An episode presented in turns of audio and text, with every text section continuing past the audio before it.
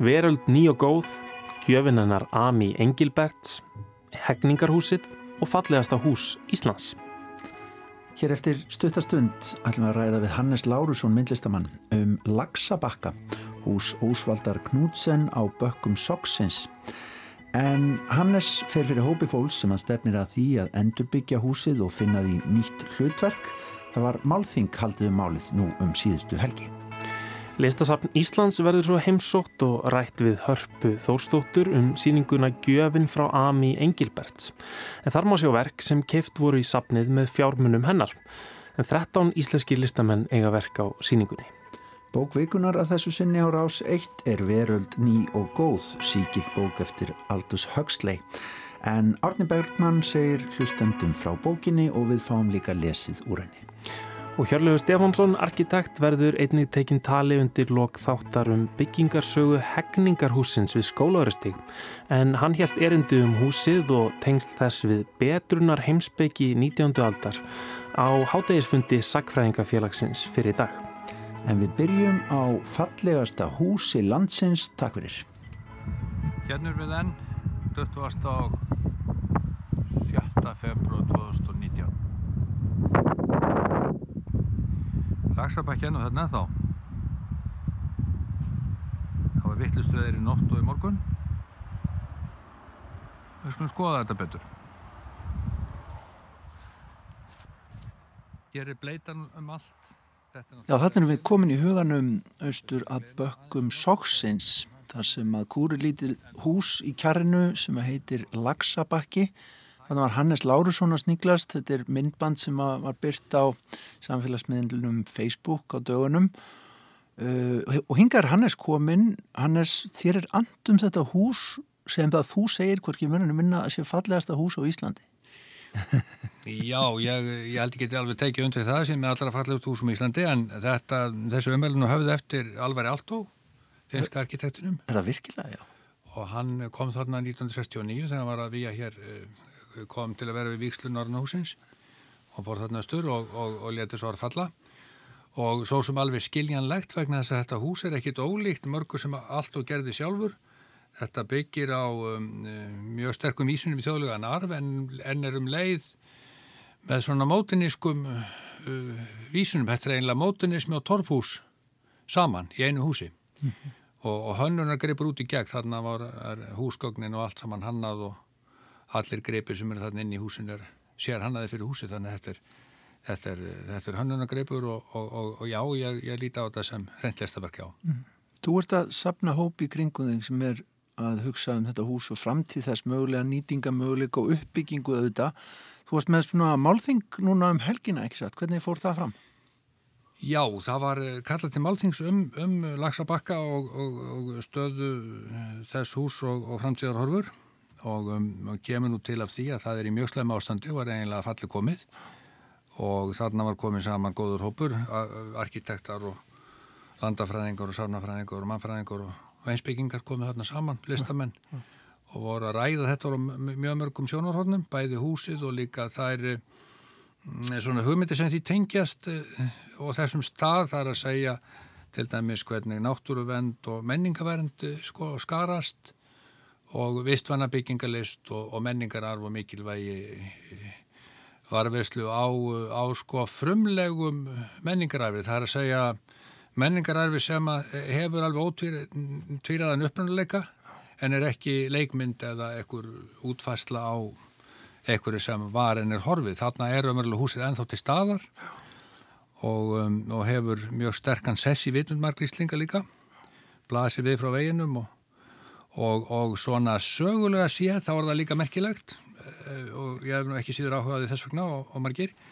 að það er eiginlega mitt á milli sko þessa gamla arfsokkar, 1100 ára arfs, Torbaðar arfsins mm -hmm frá landnæmi og, og framötu 1940 og þá er húsi beitt 42 þetta er svona milli gamla tímans og nýja tímans. Þetta er einlega síðast í hlekkurinn í gamla tímanum. Mm. en um leið vísar inni og er þarna svona nútíma hús jáfnframt í mörgum skilningi. Fyrstilegur í nútímanum? Já, í, svona, í, í vissum skilningi er það og, og, og hefur mjög sérstakar stöð í okkar byggingasögu þess vegna. Það er rekjan, rúmið, þetta er gegblögt Förfjarnin í eldúsið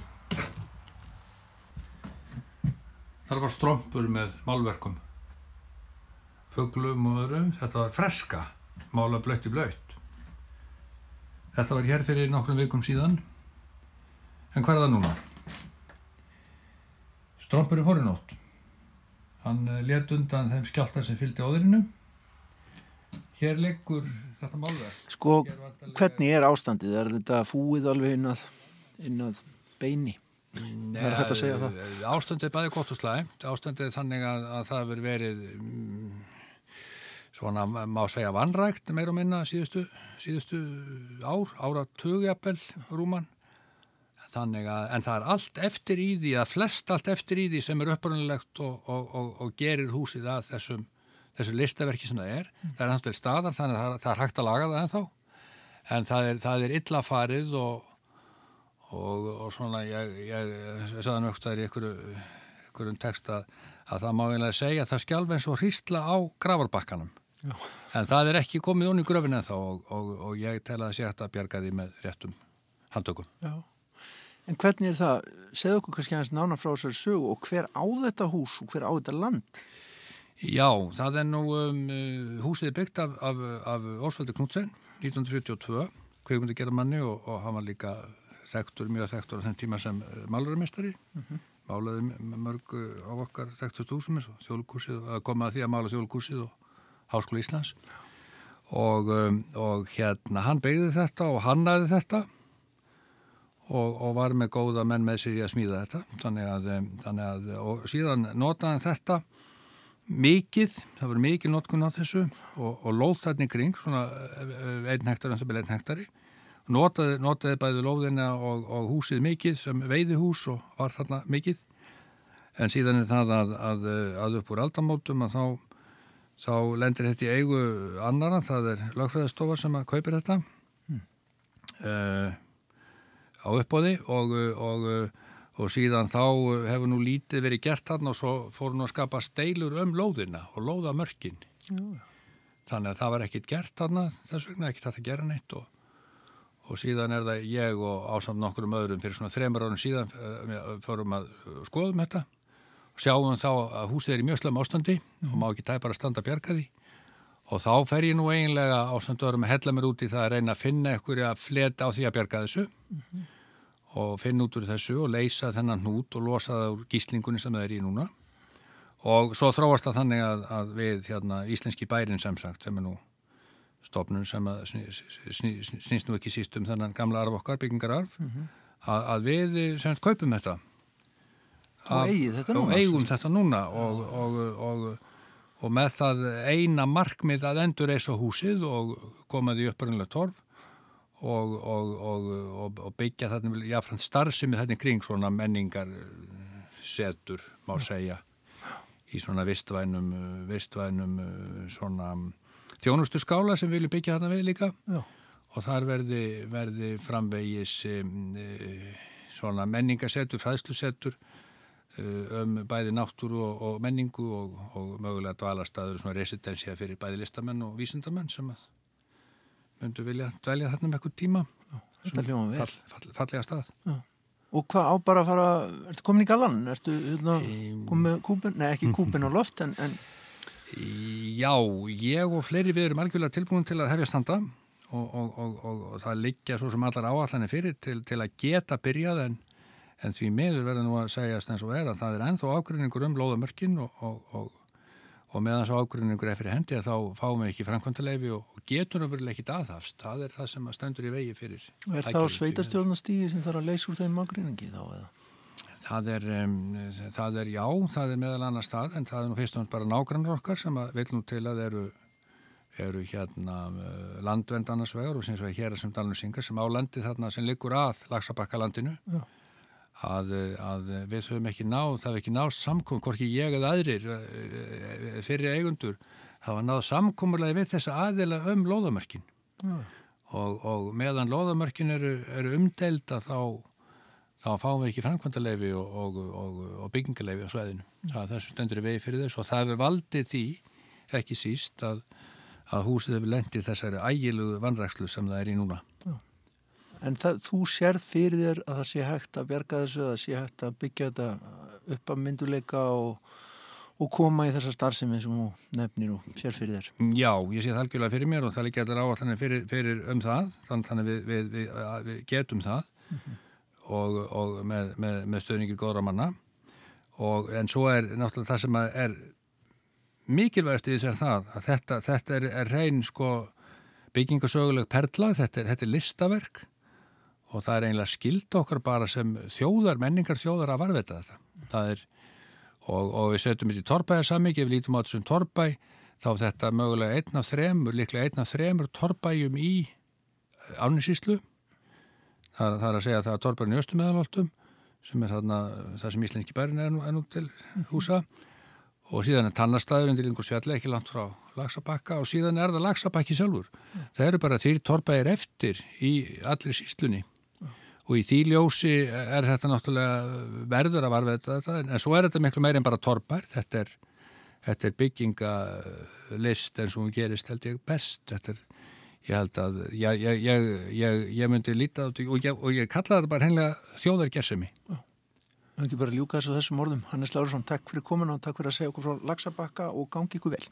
Takk fyrir En þá snúfu okkur að bókvikunar sem að þessu sinni er framtíðarskáltsagan A Brave New World eða Veröld ný og góð eftir Aldous Huxley. Árni Bergmann, rítufundur, hefur mikið velt fyrir sér framtíðarskáltsögum, útópíum og dystópíum og hann er sérfæðingur þáttarins þessa vikuna og hann ætlar að segja okkur um hvað þessi bók, merkilega bók fjallar.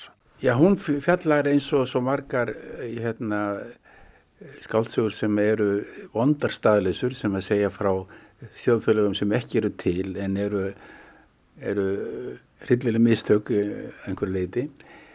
Já, eins og margar aðrar eh, og allar þessar frægustu eins og Orwell og Samjatin og þetta um það þjóðfélag sem að hefur náð algjörum tökum á meðlumum sínum. Það er fullkomið eftirlit og fullkomið skipulag og, og þarf að mynda gödum og, og slíka bækur eru alltaf byggðar á aðal áhyggjum höfundarins og samtíðarinnar af einhverjum fyrirbærum sem að gætu, gætu ef að þau fengu, fengu að springa út í að fullum krafti leitt til einhverja hörmulegra afleðinga. Sko, staðlýsum skálsugur eru tvennskonar. Annars vegar eru það náttúrulega um gott þjóðfélag sem að all vandamál hafa verið leist og hins vegar og það er það sem en, og það er enkenna síðustu öll, 20. öldina eru það þessar sögur sem að þar sem að allt hefur farið á vestaveg Orvel hann fer nú ekki langt aft fram í tíma, hann skrifur þetta sína bók 48 og hún heiti 1984 og gerist á en uh, Huxley hann skrifur þetta 1931 og hann fer 600 ár fram í tíman en einhvað síður er þetta afskaplega nátengt öllu því sem er að gerast á hans tíma. Hann, hann, og hann gerir það hann gerir eins og margir sem sagt hann framlengir á, sínar áðgjur til þess að grafa undan ódýri bjart sinni í lesandas nú, eh, nú er það kannski þetta er sérkjænlegt að því leiti sko að þetta heitir verald ný og góð og eh, hérna þeir sem eru talsmenn þessa heims í sögunni þeir, þeir segja við höfum bara leist öll vandamál. Við höfum leist öll vandamál. Þetta er góður heimur. Og sannleikunni sá að flestir sem eru í þessum heimi og lifi í honum þeir eru sammálað þessu. En af hverju eru þeir sammálað? það er af því að þeir hafa verið frá uppafi frá því að þeir, því að þeir veru einn fruma, einn lítið fruma það saminist ekki hafa þeir verið skilirti til þess að sætta sig við allt eh, við allt sitt hlutskipti það er að segja sko, hér er, hér er á ferð allt mögulegt sem er að gerast í erðafræðum og hérna og erðatækni og, og hérna, uppeldisfræðum og innrætingu og, og afþreyingar yðnaði og, og fjölmvila dálislu og all, allu mögulegu sem, að, sem að högsli á, á krepparunum þegar þetta hefur ágjur af. Og við höfum kannski ennþá meiri ágjur af og það, það sem er náttúrulega merkilegt í þessu öllu saman er það að við á okkar tímum árið 2019 við könnums betur við okkur, miklu betur við okkur í verald ný og góð heldur en til dæmis í Hrollvíkinni miklu 1984 sem byggir á, á, á, á óttanum við pólitíst alræði með hörðum og grimmum refsingum og sérstaða sögu högsleis verald ný og góð í, í, í heimi þessara skáldsagna um þetta efni er með þessi sko að í hans heimi þá, þá er, er, er sko í, í heimi eins og, eins og þeim sem Orwell lýsir þá er, þá er eh, þvingar valdið sér upp á alla með ofbeldi, hörðum refsingum og óta en Huxley segir sjálfur þegar hann horfir yfir yfir færum veg árið 1958 að hann hafi haft miklu meira að segja heldur en Orwell. Ja, það sem hann sagði skipti miklu meira máli fyrir okkar tíma heldur en, heldur en sem Orwell segir vegna þess, vegna þess að, að aðferðir eins og notaðir eru til þess að búa til veröld nýju og góða séu miklu rótækari og endingabetri heldur en að reyna að stjórna fólki með grimmu ofbeldi eins og Orwells lýsir með því að sparka í andliti af fólki endalust og Sagan segir náttúrulega frá þessu, frá þessu að uppæðilega fá að vita hvernig þetta fólk verður til. Það búið að sko, þessi, þessi veröld nýju góða með, sem þykist að hafa leist öll vandamál hún verður til með því að hafna öllu sem var Sagan skiptir ekki máli hún, hún er bara vittlis eins og Ford segir. Listir og bókmyndir skipta engum máli náttúran skiptir ekki máli hún er ópraktísk og ekki að græða á henni. Eh, sterkar tilfinningar eh, trubla bara samræmið í þjóðfélaginu og, all, og þarfandi gödum það er búið, það er búið að, að, að forna þessu öllu saman fyrir þessa hamingju og þessa neyslu gleði sem er kjarni málsins í þessu þjóðfélagi og þetta byrjar á, á því að, að hérna, það er fyllað við, við erðaefni mannsins og hver hópur í samfélaginu fær sinn skamt af gáfum og hæfileikum til þess að hann muni alltaf sætta sig við hlutskiptið sitt. Þetta er stjættskipt þjóðfélag en stjættaskiptingin verður ekki vandamál vegna þess að allir eru aldir upp annarkvort með erðafræði eða með páláskum aðferðum með því að skapa skilirt viðbröð eins og þegar krakkandi litlu eru kent í dásvefni og svo eru, eru þau með raflosti ger hrætt við bækur og blóm og svo framvegis.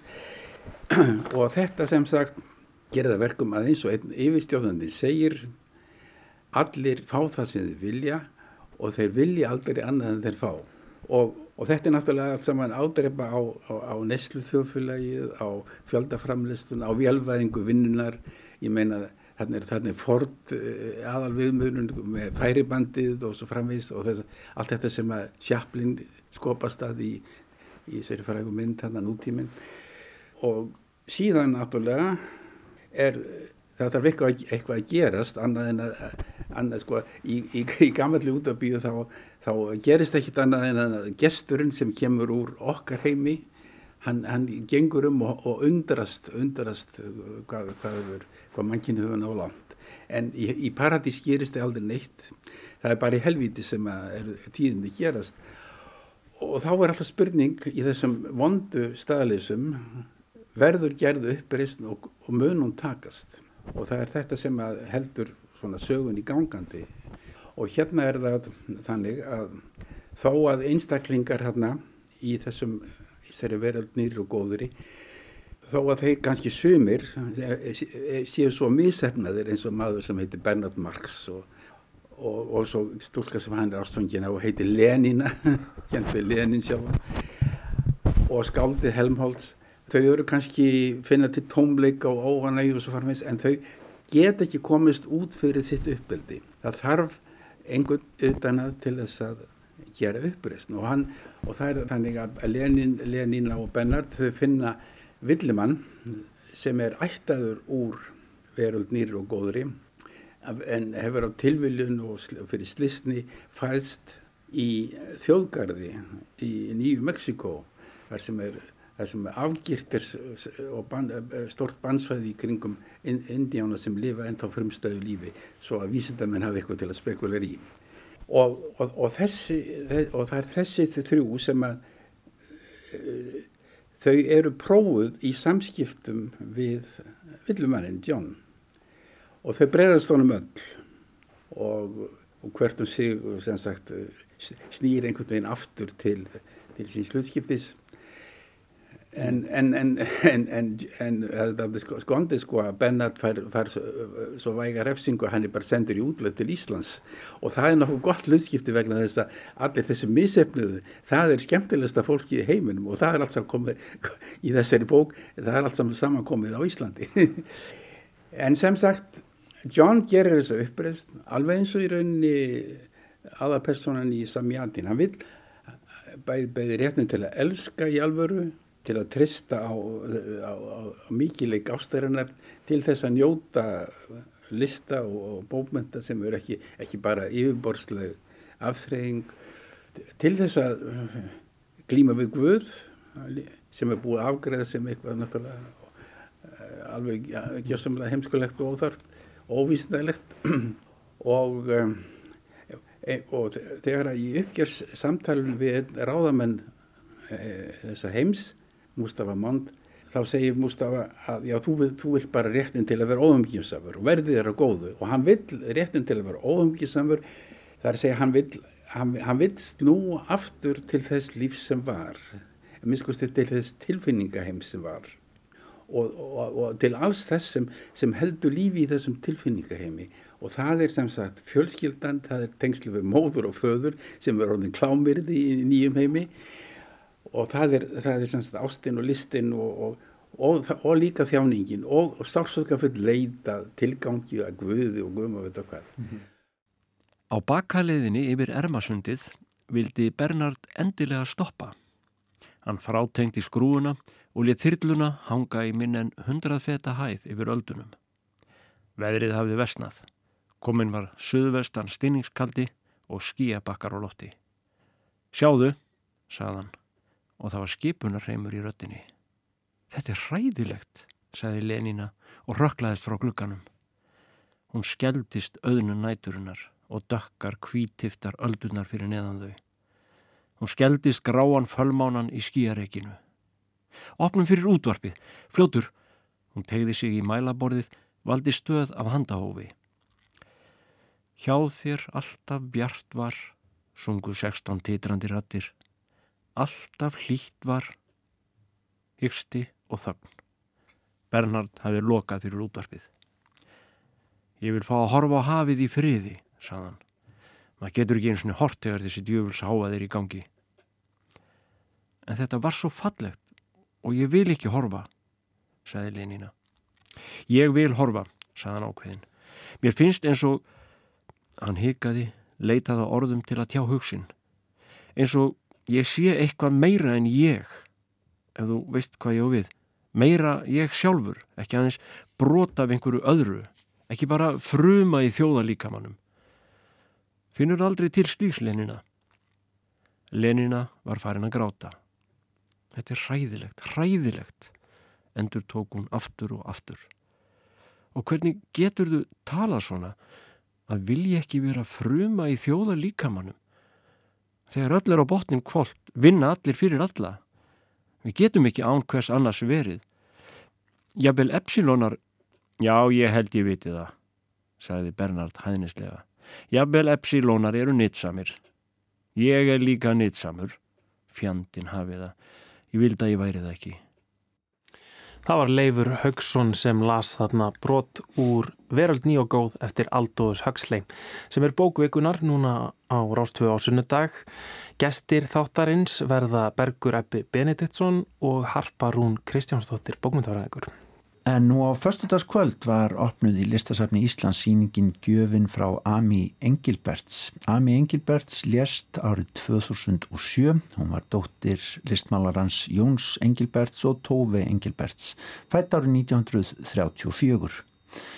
Ami eða Amelie eins og hún hétt reyndar var vinsæl spákona hér á landi og fjækst við Dulsbeki í fjölda ára til dæmis og Hún eftirlétt listasafni Íslands nokkra fjárhæð um 11 miljónir króna sem að átti einfallega að fara til listaverkakaupa og nú var komið að því að sína verkin sem að keift voru fyrir þetta fjármagn.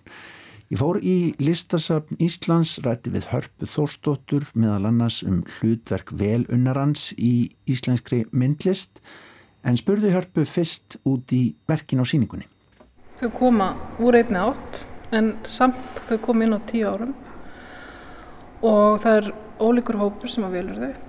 Það er að segja að það var þannig að safninu lotnaðist erðagjöf frá Ami Engilberts, Amali Engilberts, þá dottir Jóns Engilberts.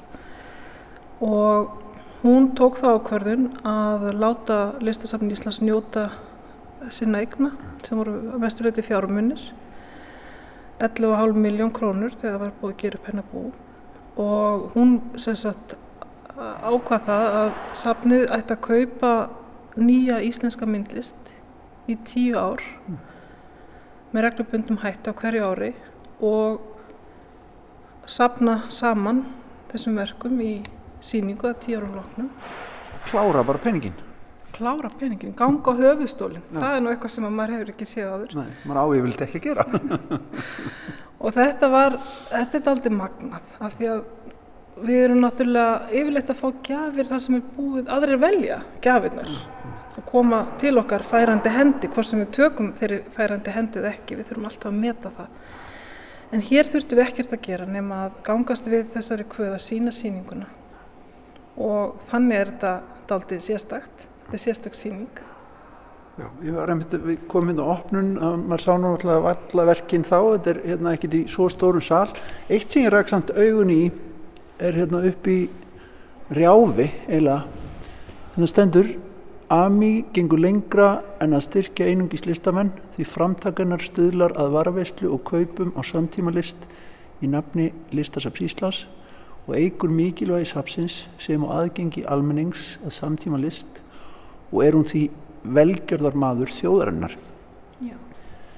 sko þið eru daldið að velta fyrir ykkur þessu hlutverki velgjörðar mannsins þess sem að á í þessu tilviki smá fjármagn til þess að setja í Já. listir Við erum að velta fyrir sko velgjörðar maður getur komið að með svo ólíkum hætti og hjá okkur þá er velgjörðar maðurinn mjög stór hluti af okkar vinnu þar að segja velgjörðar maðurinn er í raunni sá sem að kom okkur inn í þetta hús hér við fríkirkjuvegin uh, alltaf ekki einn maður en nú er ég að tala um, um, um hópfóls uh mhm. -huh. og velgjörðarmadurinn hefur reglubundið gefið okkur verk í safningnina og, og hjálpað okkur og velgjörðarmadurinn eins og þú ert að vitna til er líka kakvart myndlistamanninu sjálfum vegna þess að það er samband sem er algjörlega viðkjönd að myndlistamannin hefur mjög oft einhvern velunara, bakkjarla eða velgjörðamann, einhvern kvatamann,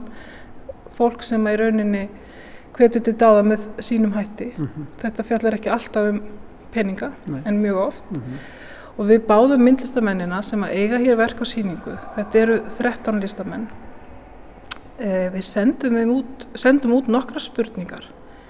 Af því að okkur legt allir, sko, Við sem störfum í, í söfnunum og í listasafni Íslands, við náttúrulega erum ekki inn í vinnustofum listamanna eða með þeim uh, í, hérna hvers deginum í rauninni. Nei. Við erum ádáltið öðrum stað.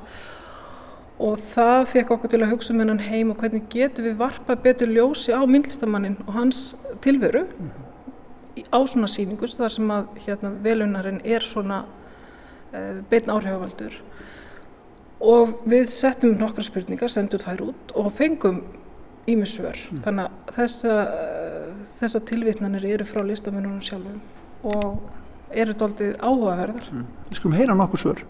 Velgjörðamenn sem hugsa listina á samfélagslegum fórsendum, það er umfram eigin hagsmunni, eru það mínum mati áhugaverðastir.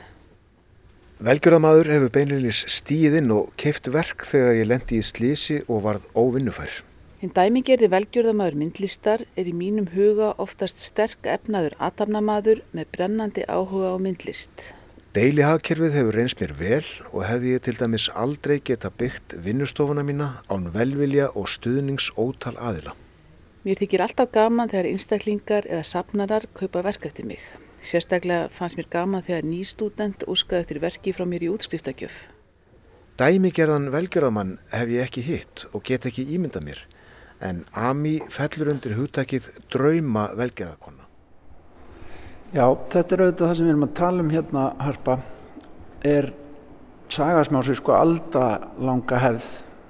Við getum farið aftur bara í aldirnar endalaust eila alveg líklega aftur í, til fornækjeftalandsið út það farið. Það er þessi tengst milli listamanns og velgerðamanns. Sko, oft snúið samband vegna þess að listin á í huga margra að vera einhvern veginn laus við fjármagnið til dæmis en það er náttúrulega bara tálsýnið ekki. Jú, það er náttúrulega það sem að það er hérna hinn hliðin, dökka hliðin á tunglinu, smorðaða þannig. Það er, við eigum ekkert endilega að horfa þaðan, en það er samt gríðarlega hluti sem að, hlutur sem að hefur alltaf verið líka hvata aflið inn í myndistinni. Mm -hmm og velunarinn náttúrulega eins og við þekkjum það frá tímum endurreysnar það var líka náttúrulega, þetta voru ekki bara fjölskyldur, þetta voru líka, þetta var Páagarður mm -hmm. og, og, og svo voru þetta Borgríki og, og þanniglega hefur þetta fléttast inn þannig að Alvöru pólitísk öll ja. Alvöru pólitísk öll, raunverulega öll, öllið að baki öllana og að því leiti þá eru kannski ríkislistasöfn líka En ef við hugsum út fyrir þetta hús að þá eru þetta fólk út í bæ að sapna list og þið vitið alveg að því hvort sem að þið sjáuð síðan fyrir ykkur að þessi söfn, engasöfn út í bæ muni einn daginn renna inn í listasöfn Íslands eða eitthvað annað. Þið, það, það lítur að vera meðvitund um hverjir það eru sem er að gera eitthvað meira en bara að kaupa sér eitt verk upp á egg, ekki satt? Jú. En þar byrjar það yfirleitt. Eitt vegg upp á vegg, annað vegg, þriðja og svo, svo allt nú verður fólk helt tekið einhverju. Jú, þetta er þetta er aldrei sérstækt, við erum alltaf lítið samfélag og við vitum yfirleitt af söfnum. Söfn verða til af því að það er ákveðin uh, það er verið að leita einhver ákveðinu þannig að þau hafa svona ákveðin engin í jafnvel. Þetta þekkist vel í hjá erlendum söfnurum til dæmis þú einbetið að einhver ákveðinu Hér myndi ég segja að við værum kannski tölvört uh, í samtíma listinni. Það er náttúrulega margir sem að sapna gamlu misturunum og slíkt en, en það sem við svona heyrum í dag og finnum og ég held að sé mjög gott að það er að samtíma listinni er mikið sapnað. Mm -hmm. Og er að aukast. Og er að aukast mm. og það er þá hvati, það, er, það gerir okkar myndlist betri og það gerir hann uh, eftirsokna verðari líka uh, út á við og við erum farin að sjá það gerast. Mm -hmm. En Svo náttúrulega getur þú spurti, er það þannig að því að svo náttúrulega koma kynsluður að fara og þá verður kannski hérna, þá, þá vakna aðra spurningar og það eru spurningar sem eru náttúrulega bara hvað að gera við þetta, það er áhugi, er hann fyrir hendi. Nú það er líka spurningum verðmæti sem er náttúrulega alltaf þetta erfiða, veist, hvers virði er sapn einstaklings sem hefur jú, sapnað til, með tilteknum fjármunum en svo hefur svo sapnið kannski vaksið út frá markaðslögumálum. Hverju ég að söfna svara þegar að, þegar að sá möguleiki opnast að taka við svona sapni mm -hmm. en hvaða mat fyrir fram í rauninni hvaða mat fyrir fram og vil sapnið þetta, er þetta hvaða stimpill? Hvaða hérna vinn-vinn aðstæður eru þetta líka. Mm. það getur átt við í, í til dæmis í ymsum engasöfnum eða svona söfnum sem eru þekkt af stærð. Nú er, ef við tölum um hérna heima þá getur það líka hreinlega verið um, fyrir okkur uh, spurningamerki þessi krafa um að sína mm -hmm. af því að nú erum við með takmarka síningaplás og krafa um að varveita hún er jafn stór.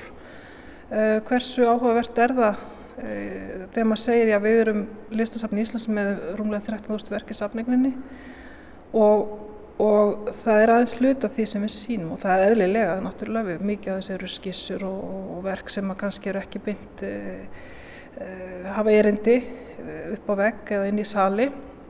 Við getum miðlað með öðrum hætti. En það kemur alltaf þessi, svona, þessi veikleik en, en sko akkur á safna að taka við eða akkur á ég að gefa safni ef þið getið ekki byggt álmu. Já. Það þurfti náttúrulega bara að fylgja með. að byggja álmu, stækka safni. Já, safn með fastegnum. Já. Nei, en þetta, uh, sko það er alveg áhugaverð spurning fyrir safnarast. Þeir hljóta nú að spyrja sér margir að því hvað er alltaf að gera við safni sín. Mm -hmm.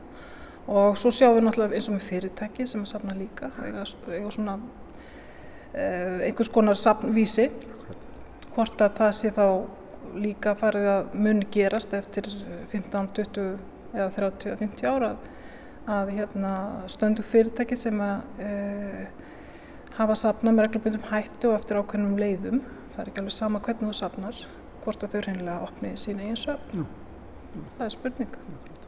En í þessu tilviki þá erum við að tala um doldið óvinnlegt dæmi af því að þarna er sagt við ykkur, hér eru 11 miljónir, ávakstið það er kaupið svo og sínið, í rauninni ekki flokknar en þetta, uh, í minningu föðumins, í tilviki AMI, uh, lítur að vera frábært að fá svona. Myna, þið eru ekkit sko ofhaldin þegar það kemur að listaverköpum inn í listasafn Íslands almennt. Hvað, fá, hvað hafið þið mikið úr að spila á ári? Við erum með í ár þessu á fjála ári erum við með um 28 miljónir til að kaupa við hefum verið að kaupa meðaltaliða svona það fer eftir stærverka en á síðast ári keftu við um 54 verk. Eða hvort, já, eitthvað voru nú reynda gafir þannig að það eru það rokkar svona upp og niður, það fer eftir hvað við erum að kaupa. En allavega þá Við erum með þessa fjármunni sem við telum ekki næga. Mm. eh, til þess í raunin að koma, eh, sko skap ekki einhver tómarum og við þurfum líka að huga að því sem er búið að gerast. Við þurfum að horfa aftur fyrir okkur, við þurfum að eignast góð verk og við þurfum líka í rauninni að geta eignast verk sem við reynilega vinnum með listamönnum. Mm. Ég vil meina að það sé eiginlega næsti þáttur í okkar eh, vinnu í sambandi við safningin að að uh, Listasafn Íslands geti eignast verðugt stort verk eftir uh, íslenska listamann sem er komin á alþjóðlega sportbögin. Mm. Sem er pantað. Já, ég myndi segja það. Mér kannski hugsa þannig að verki geti verið lengi hjá okkur eða verið utan dýra eða eitthvað slikt. Mm -hmm. Ég held að, sko, ég tala náttúrulega núna fyrir hönd Íslands en nú leiðir ég tala náttúrulega fyrir hönd samfélagsins mm -hmm. okkar. -hmm það geti verið áhugavert en þetta náttúrulega gerum við ekki með 28 miljónum það, það er alveg reyna En ef við hugsaum og kannski endum spjall okkar á því að velta aftur fyrir okkur þessari síningu uh, 11 miljónir notaðar þarna í þetta og hvað kemur út? Hvernig mynd er það sem er dreyin upp? Er, hún, hérna, er þetta alltaf skemmtilega svona, þetta er náttúrulega eins og skyndimynd af einhverjum árum, ekki satt? Það er bara ofbærslega orka Já Það eru ólíkið miðlar á þessari síningu og þetta er síning sem að í raunin allur almenningur getur gengið um og það finna allir eitthvað sitt ístað hér mm -hmm. vegna þess að, að það eru bæði íhugul og innhververk sem að kannski kalla á því að, að fólk leifi sér að, að svona opna hugan en svo eru hrein og bein pólitísk verk, átöluverk, beinskitt.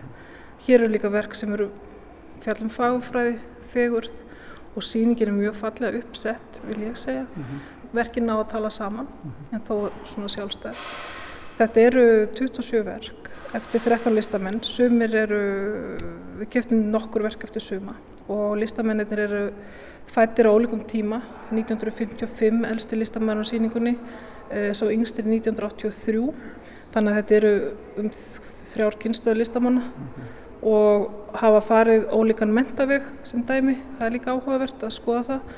Þannig að með síningunum kemur uh, síningaskrá, það sem við erum með myndir af öllum verkunum og svona stutta texta svona likla verkum til að fólk svona skinni betur. Ef það vil njóta meira þá getur það að lesa og ef það vil njóta enn meira þá náttúrulega mætir á leiðsögn. Hérna, Setur inn í málinn. Setur alveg inn í málinn. En hérna uh, peningarnir voru ávastæðir, þeir náðu ávastast og við höfum gengið á höfustólinn og það voru kjöpt við listaverk eftir 14, uh, fyrir rúmar 14 miljónir og ég held að það sé nú bara mjög hérna, gaman að, að sjá hversu mikið var hægt að fá á góðri myndlist uh, fyrir okkar samfélag inn í þetta saman. Og Ami hefði verið sátt? Já, ég hefði fundið að það hefði verið eitthvað. Allir sáttir. Takk. Allir sáttir. Takk fyrir spjallið. Hann var rætti við hörpu Þórstóttur Sapstjóra Listasaps Íslands. En þá höldu við í fangelsið. Í uppafi 19. aldar var algjör bylting í viðhorfum til refsinga á Vesturlöndum. Heimsbyggingar og samfélagsfrömuðir tók að ræða fangelsismál og mannúðar sjónamið settu marksitt á stefnumótunina sem átt sér stað. Aðteglinn bendist í vaksandi mæla því hvernig hagamætti fangelsisbyggingum og fangelsisvistinni þannig að fangarnir yrðu mótaðir á jákvæðanhátt til að verða betri menn. Áherslan var sem sagt á betrun einstaklingsins frekar en refsingu. Þessara áhrifa gæti meðal annars hér á landi í byggingu hegningarhúsins við skólaurustík árið 1872.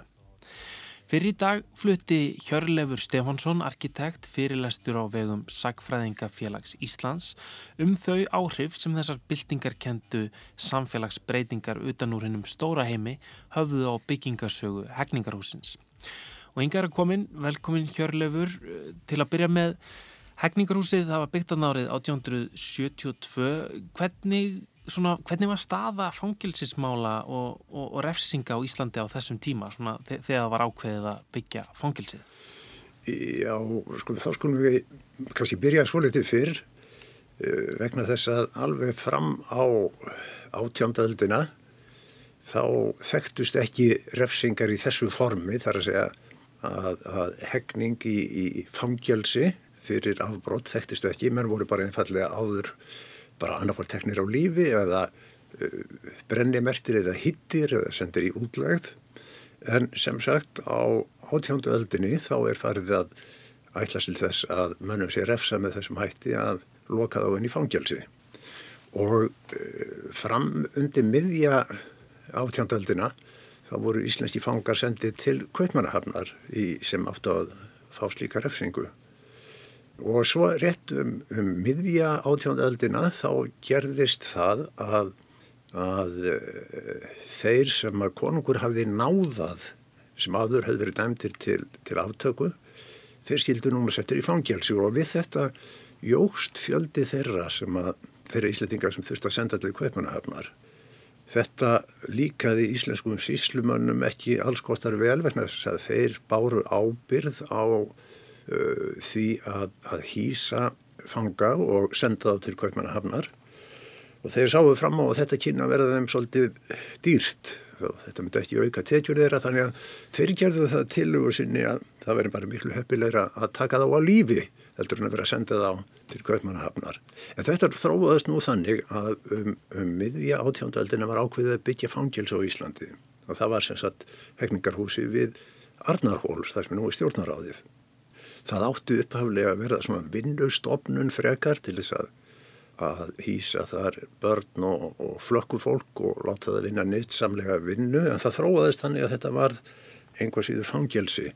Þetta gekk ekki vel, þetta var mjög hart í ári á þessum tíma og, og e, það var hungur á Íslandi og stór hluti þeirra fanga sem að fóru í það fangelsi þeir, þeir dóur strax úr, úr skirbjú og sulti og einhvers konar e, bara af slæmu, slæmu aðbúnaði.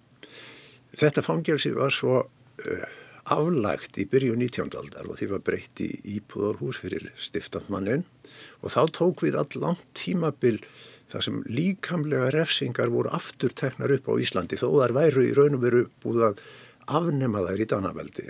Það var ekkert fangelsi og og uh, það var byrjað að hýða menn aftur. Þar til sko uh, er það, minni mig, 1871 sem að er, er gefin út tilskipunum byggingu fangelsis á Íslandi. Þá átt að byggja sem þetta fangelsi við skólaverustígin sem að síðar varð og minni mig fimm önnur fangelsi í, í dreifbíli.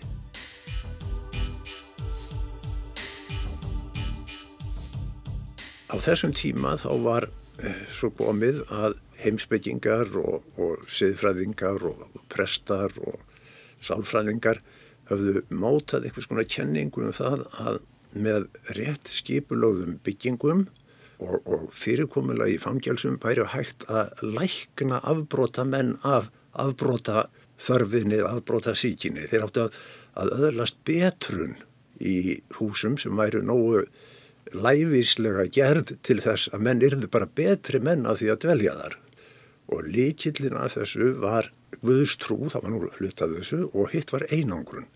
Einangrun og nálagð Guðs myndi, og, og í skinsamlega gerðu húsi myndi lækna menn og gera þú aftur á góðum mannum.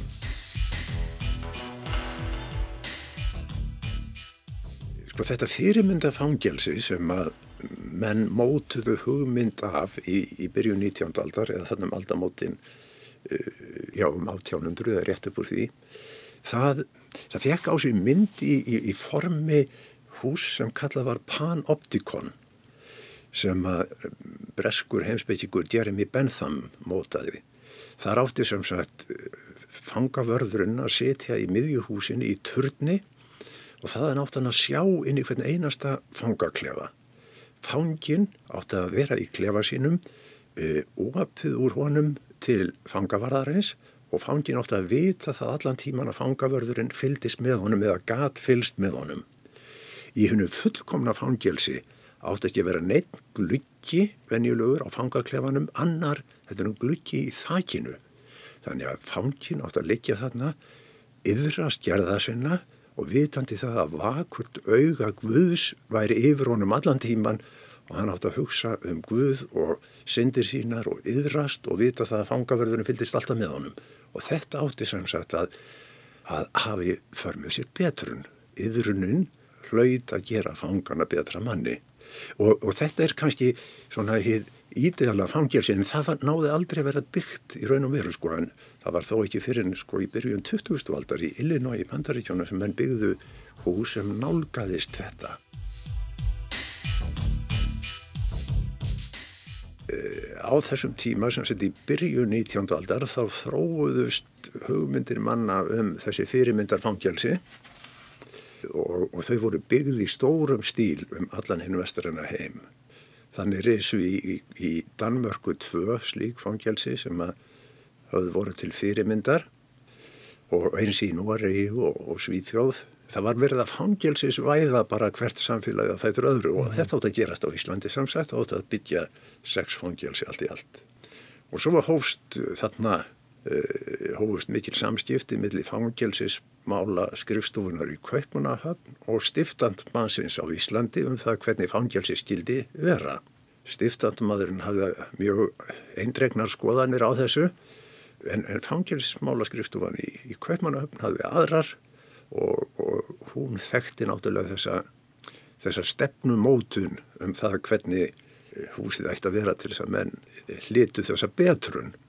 En svo er tekist á um þetta í svo litin tíma og og kaupmanna felur dönskum byggingameistara sem klents hétt að gera þessu teknikar og e, smá saman þróaðist þetta nú þannig að það er e, samþygt teikning sem klents gerir þrátt fyrir hörð mótmæli stiftandmaðs stiftandmaður nær því þó fram að í þessu sama húsi skildi vera líka ráðhús fyrir Reykjavík og dómhús fyrir landið allt og þannig var húsi byggt sem sagt eftir teknikum Klens þessum að e, hérna, þessar hugmyndir um betrun og refsingu hvernig húsi stíldi innrétta með hlýðsuna þessu þar sem að það útvatnaðist í raun og veru á þessu tímabili og mönnu þótti ekki auðvelt að koma að þessari aðgreiningu í svona litlu fangelsi. En hins vegar þá var það þannig að svona eitthvað eindi eftir af þessu Til dæmis það að þeir sem að dæmdir voru þarna allir betrunarvistar, þeir átti að vera í algjöru einangrun. Þeir mátti ekki sjá helst aðra fanga og þeir átti að setja einir í klefa sínum og, og stunda vinnu sína. En hínir sem voru dæmdir til refsingar, þeir máttu vera samvistum við aðra fanga og þeir máttu vinna í vinnustofum á daginn en vera svo í klefa sínum á nóttunni.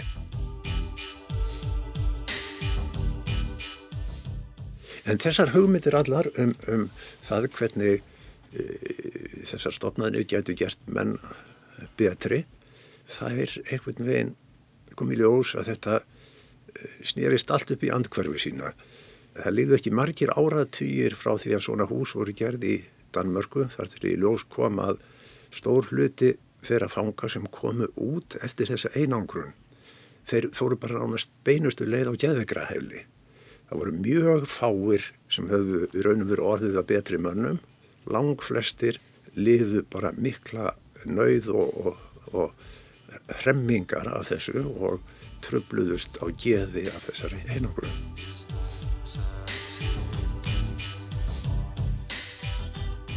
Umræða hér á landi um það hver skildi vera munurinn á, á uh, refsingu annars vegar og betrun eða hegningu og betrun hins vegar var afskaplega lítil. En þegar hins vegar hegningarúsins við skólaverustíð var tekið í notgun þá var uh, samþygt um það reglugjörð hvernig það skildi rekið og þar var reynd að fylgja eftir þessum mun á, á, á betrun og, og hegningu eins og ég verið að lýsa á þann með því til dæmis að að betrunarvistar fangar áttu að veri miklu meira einangur en heldur en hinnir sem voru, var verið að hegna. En þetta hljómar kannski svo litið í okkar eirum eins og, eins og öfusnúið vegna þess að hegningin með einangrun eh, gæti verið miklu alvarlegri. Mm -hmm, um mitt. Nú var hegningarhúsið við skólaverstíg notað náttúrulega í hvað, meira en heila öll, það er alveg vel það. Ég, á þessum tíma náttúrulega þróast þessar hugmyndir manna eins og, eins og þú segir að, að þá áttamenn kannski, áttamenn sé á því að, að einangruna vist er ekki ja, betrandi og þeir heldur kannski í fyrstu. Hvernig svona, um, á þegar þessar hugmyndir þróast, hvernig passar hegningarhúsið skólaurustík inn í það það verður ekki frekar fljótt á úrreld Jú, sko, ég held að mér sé óhætt að fullera það strax upp úr 1925 þá við farið að líta á hefningarhúsi sem úrreld fyrirbæri þá, þá við farið að tala um að þetta sé gammaldags og það þurfum að gera eitthvað í málunum, breyta uh, en svo uh, líða það æði mörg ár sko, það er ekki fyrir núna 2016 sem að hættir að nota húsið sem, í þessu skinni og, og þannig að það er úreld, talið úreld í nánast heila öll áður en áður en hættir að nota það. En hins vegar var reksturinn með breyttu formi. E, já, já, hann breytist í tímasráð. Þetta er virkilega áhugavert, Hjörlefur. Um, takk kærlega fyrir að koma yngað í Vísjá og, og segja okkur frá hegningarhúsinu við skólaugurustíg og tengslum þess við um, betrunar heimsbyggi 19. aldar. Takk að verir. Takk fyrir svömmulegis. Og þannig líkur við sjá í dag. Takk fyrir að hlusta, verið sæl.